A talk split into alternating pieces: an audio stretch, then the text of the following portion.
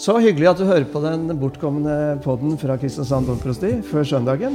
Det er veldig lenge siden vi har uh, hatt en pod uh, sist, og her sitter Iselin Jørgensen. Mm, hallo. Hallo. Og Aud Sunde Smemo. Hei, hei. Og Jens Olai Hustvik. Ja. Og Nils Eir Andersen. Hvor har vi vært? Hvor har dere vært? Hvorfor har vi ikke hatt noe pod på et halvt år? Har vi ikke hatt lyst? Jeg tror vi har hatt mye å gjøre. Jeg tror det har vært en oppstart denne høsten som har vært krevende. Så det har vært litt vår å porsjonere tid, tenker jeg. Ja, Først var det sommerferie, og Ja. så skulle vi begynne. Og så den ene dagen kunne ikke Jens Olai, og den andre dagen kunne ikke Aud, og den tredje uka kunne ikke Iselin. Og så var det høstferie. Men nå er vi i gang. Ja, nå er vi i gang. Ja. Det har jo vært, eh, det har vært noen som har spurt etter oss. Det er hyggelig. Det setter vi alltid pris på. Og nå skal vi egentlig gasse opp litt med sånn eh, Vi har en idé om å legge ut teksten litt tidlig på sida vår, sånn at folk kan sende oss personlig melding med spørsmål om teksten hvis det er noen ting man har lyst til at vi skal snakke om eller lure på. Så gjør vi det. Det blir bra. Det blir fint. Ja. Ellers er alt som før. Du har fått hund. Å ja, jeg har fått hund. Det er vel kanskje derfor ikke jeg har vært uh, på pod, for det er som å få en baby. Ja, men det er fantastisk. Hva heter han? Eh, Det er, det er en tispe. Det er tispe. Hun heter Bella. Bella. Ja, hun er veldig skjønn. Men, uh, og det er veldig dårlig timing. Vi, nå har liksom barna flytta ut. Og roen liksom Vi har hatt god tid og sånn. Men det var akkurat nå vi fikk eh, Bella var til. Da. Så da Så fint. slo vi til. Takk for oppmerksomheten. Du har jo hund. eh, Du skjønner jo hva det er for noe. Jeg skjønner alt. Ja. Men eh, det er jo mye annet man kunne ha brukt tida på. Ja, det er bare å stikke i åpne sår. Jeg mista min i fjor. Hun kommer aldri over det. Så det Men det er vakkert med hund. Ja. Det var et tungt år. det. Båten din sank òg, gjorde den ikke? Jo, det var det. Det var liksom sånn, men eh, Nei, men det, var, det, var, en del liksom sånn Når du mister en- ei bikkje som du har hatt i tolv år Det er klart, som har vært din beste følgesvenn, så er det sterkt. Det er det. Jeg må bare si det. Iselin, har du lyst til å spe på barneflokken med en eh, par hunder, eller? Nei, ikke akkurat nå. Du har noe. Toåringen er krever nok. Ja, du har en toåring, ja. Mm. Men eh, i dag eh, skal vi snakke om eh, bots- og bønnedag. Det er jo en spesiell dag. Det, vil si litt om den. Eh, det, var det, jo, det hørte jeg på tekstgjennomgangen i går, at den ble satt til en søndag etter vedtak i Stortinget. Og det var ganske mange kirkelige krefter som var eh, rivende uenig at den skulle være på en søndag. For søndag er jo en oppstandelsesdag. Så å ha bots- og bededag på en sånn eh, søndag, det var det mange som ikke likte. I Danmark, forresten, der har de det på en hverdag, Ja, og så er det en fridag. ja For at ikke det skal kollidere med en søndag. Riktig. Mm. Og det, jeg lurer på om det er en fredag, så det er en deilig langhelg for eh, danskene. Så er det vel noen som velger å ha skriftemålsgudstjeneste på lørdagen. Ja. Er det ikke det? Jeg har hørt. Mm. Vi, vi tar alt i ett. Ja. For det er jo per definisjon eh, en slags sånn litt sånn sporadisk ting. Det ble jo liksom utlyst bots, botsdager og bønnedager ved katastrofer og, og Det kan ha vært ting. flere i løpet av uka, ø, året. Ja. Mm, Men nå har vi bare én i året. Alltid siste søndag i oktober er bots- og bønnedag. Det er viktig med en bots- og bededag. Ja, hvorfor det? Det er viktig å det er viktig å ha en dag hvor man rett og slett går til skriftemål, sånn som vi gjør i, på bots- og bededag i mange kirker. I de fleste kirker nå så er det jo allmenn skriftemål. Da er det ikke sånn at man bekjenner synden sin høyt til en prest, men man tenker gjennom den og får en hånd på hodet. Dine synder er tilgitt. Det trenger mennesket. Men da tror jeg du rører ved noe som er bra. For ofte så kan ja, ja, vi trenger det. Og så tenker jeg, Men dette kan ofte være at det blir litt negativ vinkla bots- og bønnedag. Det høres litt sånn Litt tungt ut. litt tungt ut. Men egentlig så er det jo en glede for mennesket å bli satt fri. Å kunne få lov til å komme inn i et nytt rom der ja, dine synder er deg tilgitt, og blir lyst med velsignelse til å kunne igjen gå ut og innta livet. Det er jo flott. Å bekjenne, enten Ja. for seg sjøl eller for andre, Altså, hva det- som er situasjonen. Ja, og det å, å, å gjøre bot, det å bøte, det betyr å gjøre hel. Og tenk at vi får lov til å stå i det. Tenk at vi får lov å oppleve det. Og eh, tenke høyt eller si høyt det som ble galt. Og så at Gud eh, kommer og rører ved oss. Så det er ikke alt gjort med det, for det handler om mennesker rundt oss også, men det er veldig veldig sterkt å få en hånd på hodet. altså. Neste eh, år når vi snakker om bots- og bønnedag, så må vi be med Paul E. Salvesen. Ja. Han snakker jo godt om uh, alt dette med skyld og soning, men også om å gjøre bot. Det er noe vi har eh, mistet eh, litt, med, med gode grunner. Men jeg tror det kan være godt å gjøre bot når man har gjort noe galt, for en slags sånn gjenoppretting. Jeg tror ganske mange sånne blomsterbutikker de hjelper folk å gjøre bot. Man kjøper en blomst og sier unnskyld. Liksom. Diamantbutikker. Diamantbutikker, ja. Men det er noe med å, å vise at eh, jeg vil veldig gjerne gjøre opp for meg. Jeg angrer veldig. Mm. jeg vil forandre meg. Jeg vil gi deg noe. Jeg vil strekke meg langt. Eh, Veldig fint. Men jeg tror også det at jeg tror vi skal trekke inn bots- og, bønnedagen også i det vanlige livet. Når du lever sammen med et annet menneske, et eller annet sånt, det er så fort å såre, det er så fort og at man går, går over grenser. Eh, Jeg tenker overfor sine barn og alt mulig sånn, hva man sier i kollegiale sammenhenger osv. Det å kunne gjøre opp og si unnskyld. Dette, altså Boten henger liksom, den er viktig i det daglige livet også. Det er ikke bare en sånn en dag som vi skal liksom, nå skal vi liksom ta hele pakka. Men jeg tror den er viktig også som medmennesker overfor hverandre. Kunne tillate seg å si at det var feil. Alltid når jeg ber synsbekjennelsen i kirka, så tenker jeg på alt det, alt det dumme jeg har sagt til barna mine. altså. Ja, ikke sant? Ja. Det man, eh, ikke bare det man har gjort, men det man ikke har klart å være. Mm. Det er en selverkjennelse i det. Og den selverkjennelsen er ikke med på å gjøre oss mindre. Nei. Den er med på å gjøre oss uh, sanne. Og så tror jeg òg å ydmyke seg til å si unnskyld. Da føler jeg enkelte ganger De gangene du klarer det, så, så blir, vokser det en sånn indre katedral i det. Jeg blir litt sånn Det er godt å legge av noe som har ligget der, som noe sånn gruff.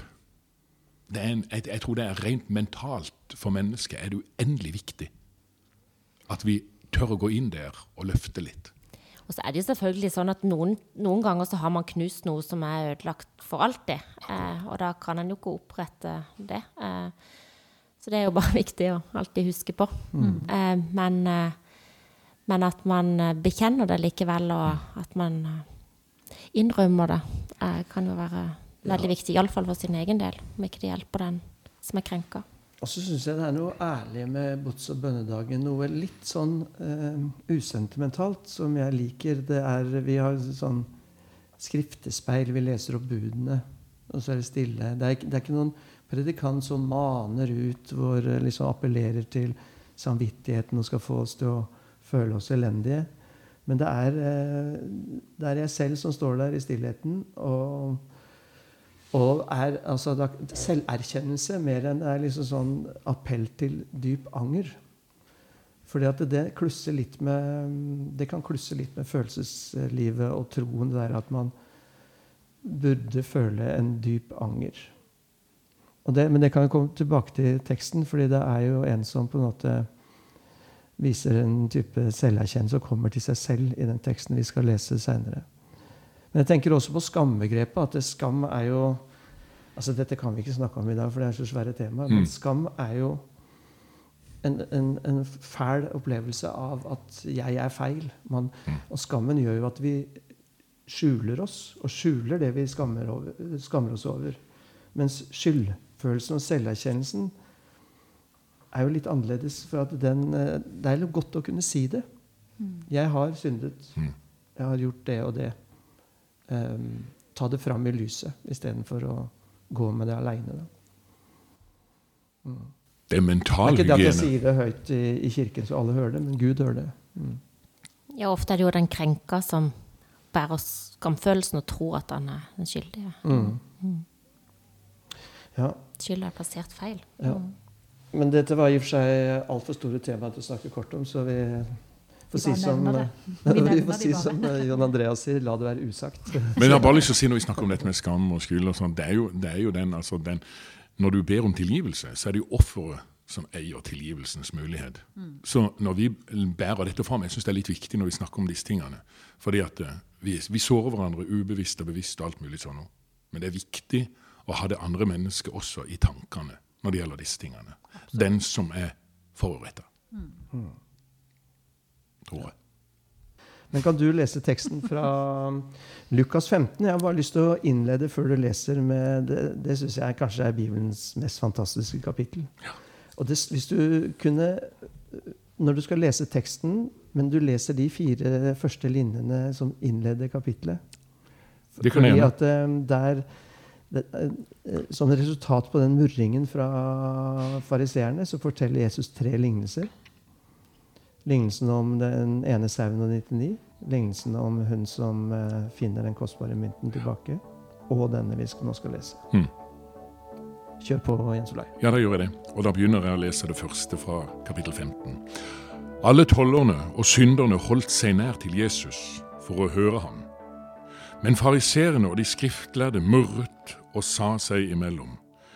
Denne mannen tar imot syndere og spiser sammen med dem.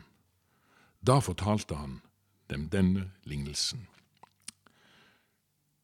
Jesus sa, en mann hadde to sønner. Den yngste sa til faren, Far, gi meg den delen av formuen som faller på meg. Han skiftet da sin eiendom mellom dem. Ikke mange dager etter solgte den yngste sønnen alt sitt og dro til et land langt borte. Der sløste han bort formuen sin i et vilt liv. Men da han hadde satt alt over styr, kom det en svær hungersnød over landet, og han begynte å lide nød. Da gikk han og søkte tilhold hos en av innbyggerne der i landet, og mannen sendte ham ut på markene sine for å passe grisene. Han ønsket bare å få mette seg med de belgfruktene som grisene åt, og ingen ga ham noe. Da kom han til seg selv og sa, Hvor mange leiekarer hjemme hos min far har ikke mat i overflod, mens jeg går her og sulter i hjel?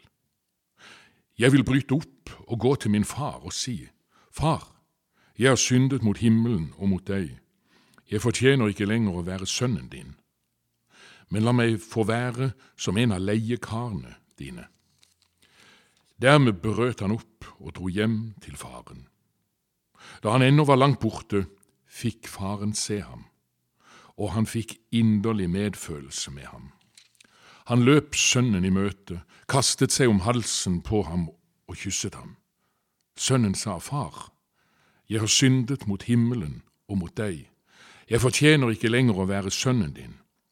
Men faren sa til tjenerne sine, Skynd dere, finn fram de fineste klærne og ta dem på ham.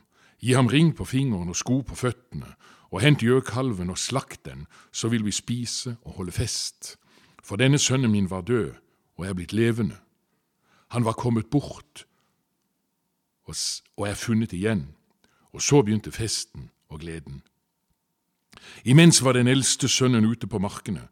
Da han gikk hjemover og nærmet seg gården, hørte han spill og dans. Han ropte på en av karene og spurte hva som var på ferde. Din bror er kommet hjem, svarte han, og din far har slaktet gjøkalven fordi han har fått ham tilbake i god behold. Da ble han sint og ville ikke gå inn. Faren kom ut og prøvde å overtale ham, men han svarte faren, Her har jeg tjent deg i alle år, og aldri har jeg gjort imot ditt bud. Men meg har du ikke engang gitt et kje så jeg kunne holde fest med vennene mine. Men straks denne sønnen din kommer hjem, han som har sløst bort pengene dine sammen med horer, da slakter du gjøkalven for ham. Faren sa til ham, Barnet mitt, du er alltid hos meg, og alt mitt er ditt. Men nå må vi holde fest og være glade, for denne broren din var død og er blitt levende. Han var kommet bort og er funnet igjen. Slik lyder det hellige evangelium.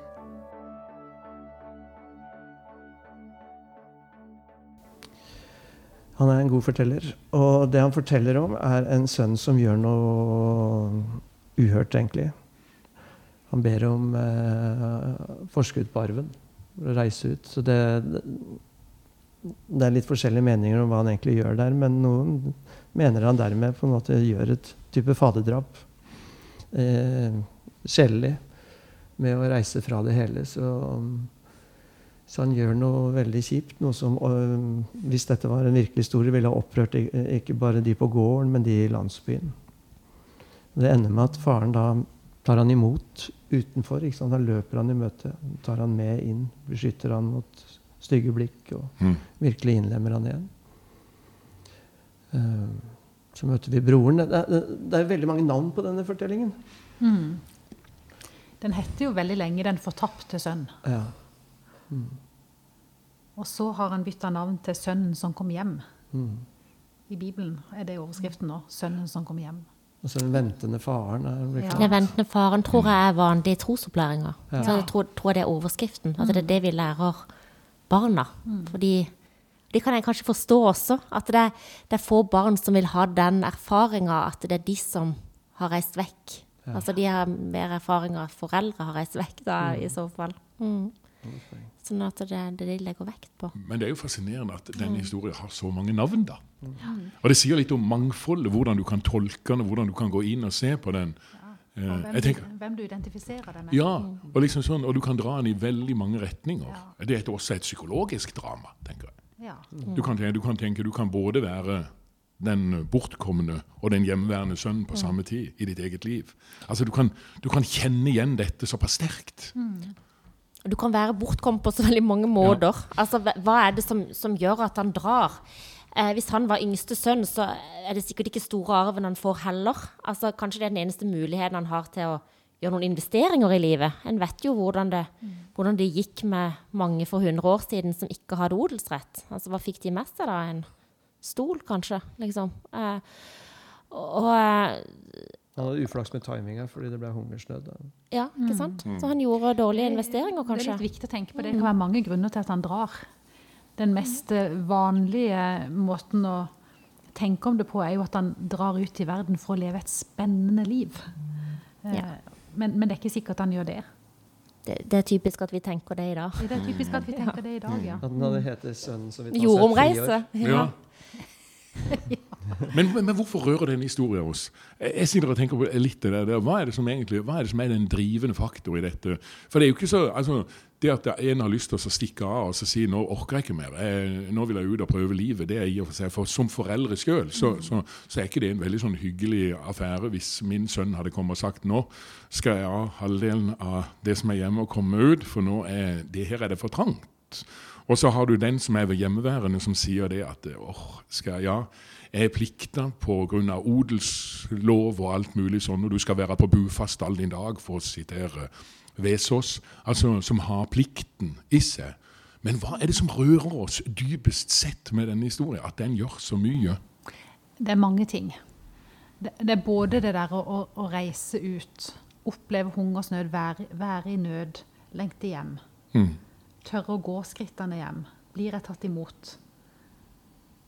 Og så blir han tatt så veldig imot. Han blir jo, han blir jo omfavna så til de grader. Overraskende. Overraskende, ja. Men jeg, jeg har veldig hjerte for den eh, eldste sønnen som, som, eh, som står der litt på sida og ser på denne kjærlighetserklæringen, kjærlighetsutfoldelsen som utspinner seg mellom, mellom faren og den yngste. Og, det er jo mange ting vi kan tenke der. Vi kan tenke kanskje han sjalu. Her har jeg gått og strevd, båret hverdagens hete og byrde, og, ikke, og ikke blitt verdsatt. Men det er noe mer enn det òg. For jeg tenker det, det er jo noe av dette som så mange av oss strever med, nemlig å tro at Gud legger sine armer rundt meg. Og det kan være mange, At en har en litt sånn forbeholden tro. Med kanskje ganske mye tvil, ganske mye skuffelser. Du står der litt sånn på sida, liksom. Det tenker jeg også når vi forkynner denne teksten om at Jesus kaller oss ikke tjenere, han kaller oss for venner. Så er det for noen mye lettere å bare tenke jeg er Jesu venn, jeg elsker Jesus, liksom. Mens andre har ganske mye forbehold i seg. Og det kan være livet som har vært sånn. Og det kan kanskje være litt personlighet også. At vi står sånn litt på sida. Han har sikkert veldig mye ansvar også, han eldste sønnen som skal ta over gården. Og, og det er en pliktfølelse sikkert som tynger veldig. At ingenting er godt nok. Ja, Eh, Jeg det, føler, ja. det er også viktig. Ingenting, er, ingenting blir godt nok, ja. Men det, det er viktig å bevare den, den kjærligheten i den fortellingen, eh, den, eh, den vonde kjærligheten der. For det, det, Jesus snakker jo her til fariseerne. Den der smerten det er at hans egne Han var jo en rabbi og en, en jøde. Hans egne, de, de står De murrer når de ser han sitte sammen med syndere og tollere. Eh, og det, det, jeg tror ikke det er sånn eh, Av og til skal vi få det at det er lett for Jesus, denne konfrontasjonen med fariseerne. At det er liksom, de er helt foraktelige. ikke sant? Men fariseerne var uh, gode mennesker, de òg. Nikodemus var fariseer. Det var mange fariseere som, som, ville godt og bar på et stort ansvar for nasjonen Israel. Mm. De, de, var en skvis mellom romerne og, og Guds lov. Eh, og den smerten det var for Jesus at de vendte seg mot ham, det tror jeg, den tror jeg vi undervurderer noen ganger. Og jeg føler at her snakker han om dem. altså. Ja. Min kjære, visste du ikke alt mitt er ditt? Mm. Sier han egentlig til mm. dem fra Gud. Mm. Selv om han drar ut og henvender seg til nye folkeslag. Mm. Ja. Men det, det, er en veldig interessant tanke, det. Men allikevel så, så er det noe med, med, med denne fariseertenkninga. Eh, de var jo noen respekterte, flotte mennesker. Mange av de. Helt sikkert. Ja, De ble ja. jo beskyldt av seerne for å være altfor runde. Ja, ikke sant? Jo, men det, og det, det er et eller annet der, altså, Jeg skal ikke snakke dem ned for mye heller, men jeg tror det er noe sånn jeg føler i denne historien der er sånn, i hvert fall Et viktig punkt i, i denne historien for meg er han kom til seg selv. Mm. Altså det er liksom sånn, Og det er liksom en slags Uansett hvor du er på skalaen, så er det kanskje noe vi mennesker skal prøve å etterstrebe litt. Hvem er du? Når du ligger der, enten du er fariserer, eller om du har gått på trynet og, og, og hoia rundt i verden. Det spiller ingen rolle. Men vi har, det er en slags sånn jeg vet ikke, en sånn plikt i livet til å komme til oss selv. Hvem er du egentlig, dypest sett? Der nede. Jeg har sagt det før, den lille gutten som sitter, eller lille jenta som sitter og griner. Hvem er den? Og det er den han får tak i når han ligger der helt nede og erkjenner vendepunktet sitt i livet. Det er veldig viktig. Det er Jens Bjørneboe som sier ja, inne i enhver mann og kvinne er det en, en, en, liten gutt eller jente som gråter. Ja. Og, og, eh, den har den yngste sønnen fått tak i. Mm. Mens den eldste er kanskje i det barnet, der han står og, og, og ser på faren som legger sine armer rundt den mm. yngste. Men jeg er veldig opptatt av den eldste sønnen. altså vi, nå skal jeg snart ha fredagsmesse om en time til på fredag i dag. Eh, og der ber vi i bønnen, altså i inngangsbønnen så sier vi derfor Derfor kommer vi til deg uten frykt og forbehold. Motta vår fortid med nåde. Omfavn vårt liv med kjærlighet. Men det å komme til Gud uten frykt og forbehold, det er jo ikke alle gitt, det. Er vi ikke egentlig fulle av frykt og forbehold, mange? Mm. Jo. I vår henvendelse til Gud. I vår henvendelse til, til andre og til oss selv også. Ja, jeg syns det er Jeg skjønner hva du mener, men jeg, jeg syns eh, forbehold i møte med Gud syns jeg blir så rart, fordi Gud er en som eh, ser og avslører og ser alltid meg mye bedre enn jeg ser selv. Så jeg, jeg føler ikke Jo, men det er menneskelig erfaring. Mm. Ikke, du må ikke også komme og møte oss med forbehold.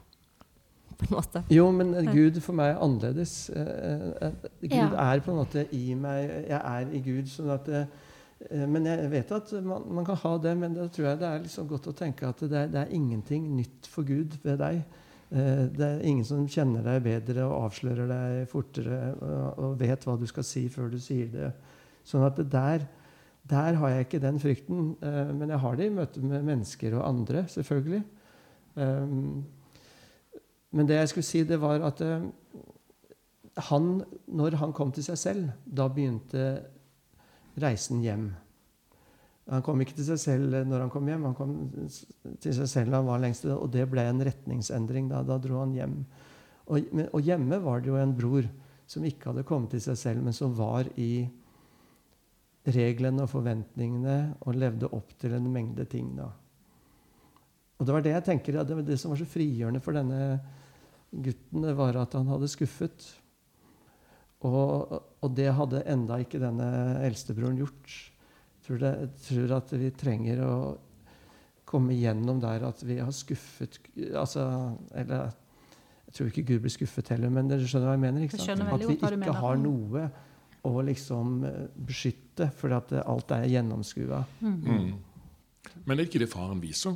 For jeg synes, eh, Når faren står der, så han kommer til seg selv, da, så begynner han å reflektere litt rundt hjemme hos min far. Så er det sånn og sånn og sånn. og sånn. Så sier han OK, jeg går hjem, men da kan jeg være som en tjener. Han går hjem, han, han, altså han, han degraderer det seg sjøl, og så sier det nei, jeg kommer aldri til å bli sønn igjen. Og så Mens han len lenger og går og tuster der langt hen på Jeg ser et jorde langt av henne. Men hva er det da som skjer? Han søker om å bli tjener, men blir mottatt som sønn. Og der ligger jo noe av gudstanken. Det at det, det er faren som løper han i møte, og som du sa før i dag, Nils, det er faren som hegner han for folkesnakket. Han, altså, det er ikke godt nok for Gud. Nei, det er ikke godt nok at du er bare en tjener. Du hører til. Det, er, det er noe sånn forløsende i denne her, her, og det sier litt om gudskjærligheten. Det sier litt om det gudsbildet vi har. At vi prøver å bygge ned et gudsbilde, men jeg tror vi må faktisk bygge opp det gudsbildet og si det er så raust at det liksom kan ta pusten fra oss. Vi kan ikke søke Gud, men Gud søker oss. Og der er han eminent, mener jeg. Og så er alt det han gjør, hele bevegelsen, den gutten, er i Gud. Fordi han reiste lang, langt borte, står det. Eh, og denne faren viser seg jo Han så han mens han ennå var langt borte. Så han har egentlig Det går ikke an å rømme fra, fra Gud. Man kan ha en opplevelse av at nå bryter jeg nå, nå, nå tror jeg ikke lenger. Nå går jeg vekk fra dette. Da har jeg ikke, orker jeg ikke å være i dette lenger. Um, men det, jeg syns det er noe fortrøstningsfullt. Det, det er kanskje litt eh, gærent å si, men det går, går ikke an. Nei, det fins ingen land som er for Nei. la, langt borte. Nei. Nei. Men han er langt borte i seg sjøl. Jeg, Ja. jeg ser for meg at det er en type rusavhengighet, på en måte. ikke sant? Altså at han er, at han er offer eh, også For andre krefter. Og for andre krefter. Og jeg har eh, Og har ikke noen mulighet for å komme ut. Eh, Og der er det noe veldig spennende tenker jeg, for alle oss. fordi at eh, hva, hva er virkelighet? Eh, leve, eh, vi har lyst til å leve livet, sier vi. Lever vi virkelig liv? Eh, vi er styrt av masse forventninger, jf. den eldste broren.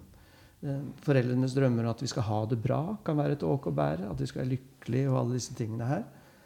Um, hvor virkelig lever vi egentlig?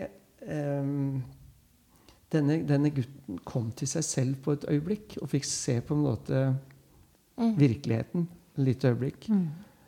Det er jo det er en sånn mystisk måte å lese denne bibelteksten på. At vi, vi, trenger, vi trenger eh, stillheten. Vi trenger, eh, trenger å være i noe som gjør at vi har muligheten til å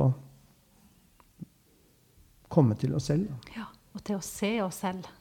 og tenke nye, nye tankebaner. Plutselig så begynte han å tenke ut en løsning ut av dette. Plutselig så fantes det liksom en mulighet. Men jeg tror også vi må trekke inn at dette er ikke noen sånn quick fix. altså. For dette er jo en, dette er en, en som har vært helt nede, og som, som tar den turen hjem. Og etter den festen, det er da livet og kampen begynner. Altså, Vi, vi, må, vi må være klar over det at dette er ikke noe sånn eh, Men, men han er kommet hjem. Han har fått rommet som gir han mulighet til å kunne leve under en åpen himmel. Til å kunne, kunne være Ja. i fars armer. Og det, det, det, er det, det er noe veldig flott med denne, med, denne, med denne teksten. Men jeg må bare ta det. Jeg leste den boka av Henry Nowen. Han skriver det er Rembrandt som maler dette bildet. Og det må folk gå inn og se. Men det er når faren legger hendene på sønnen, så er det ikke to tunge hender som legges på skuldrene, men det er en kvinnehånd og en mannshånd som denne faren har. Og det er det moderlige, det varme, gode og det faderlige, trygge, omsorgsfulle, hvis man kan si det sånn. Så det er noe sånn utrolig sterkt. Det finnes tolkningsnøkler her i denne teksten som, er, som sprenger enhver ramme. Altså. Gå inn på nettet og se bilder Ja. som Rembrandt har malt. Jeg tror vi skal legge det ut på Facebook-sida vår. Det i forbindelse med at vi legger ut podden Mm. i dag. Men så synes jeg det er viktig å se, dette er jo en lignelse. Det er jo ikke en fortelling som har hendt, selv om han hender hele tida. Men det er en lignelse, og lignelsens eh, syfte, som de sier på svensk. Lignelsens poeng er jo å fortelle oss om Guds rike. Og um, Guds rike er jo et sted hvor mennesker kan komme, sånn som livet ble. Og få hender rundt seg og bli reist opp. Og også bli fri fra stigma, fra skam, fra alt det, fra de stygge blikkene. Når, når det skjer, så skjer jo Guds rike iblant oss. Så det er også sånn som vi er kalt til å være, da. Mm, til å komme, til å legge armene rundt hverandre og til å reise hverandre opp. Det er det. Det er. Og ikke la dette henge ved. Ikke la dette henge Sånn som at han fikk ikke, sånn som du sa, han fikk ikke lov til å bli tjener. Han skulle bli sønn. Og det, da er den uh, historien ferdig. Ikke sant? Ja. Det er noe virkelig vi har å lære. Ikke la ting bli hengende ved. La folk få begynne på nytt. Ja. La oss selv få begynne på nytt. Ja. Vi har veldig lett for å miste tillit til hverandre og, og holde ting mot hverandre lenge etterpå. Mm. Vi har det, men uh, vi har ikke all verdens tid i dag. Så vi må gå inn for landing. Er det noe mm, Det var veldig mye som vi ikke fikk sagt, men er det noe som vi må få sagt? Annet enn at vi kommer tilbake neste uke. Da er det allehelgensdag. Ja. Da er det en dag om håp og trøst. Kan du lyse velsignelsen til slutt, eh, Aud? Ta imot Herrens velsignelse. Herren velsigne deg og bevare deg. Herren la sitt ansikt lyse over deg og være deg nådig. Herren løfte sitt åsyn på deg og gi deg fred. Amen.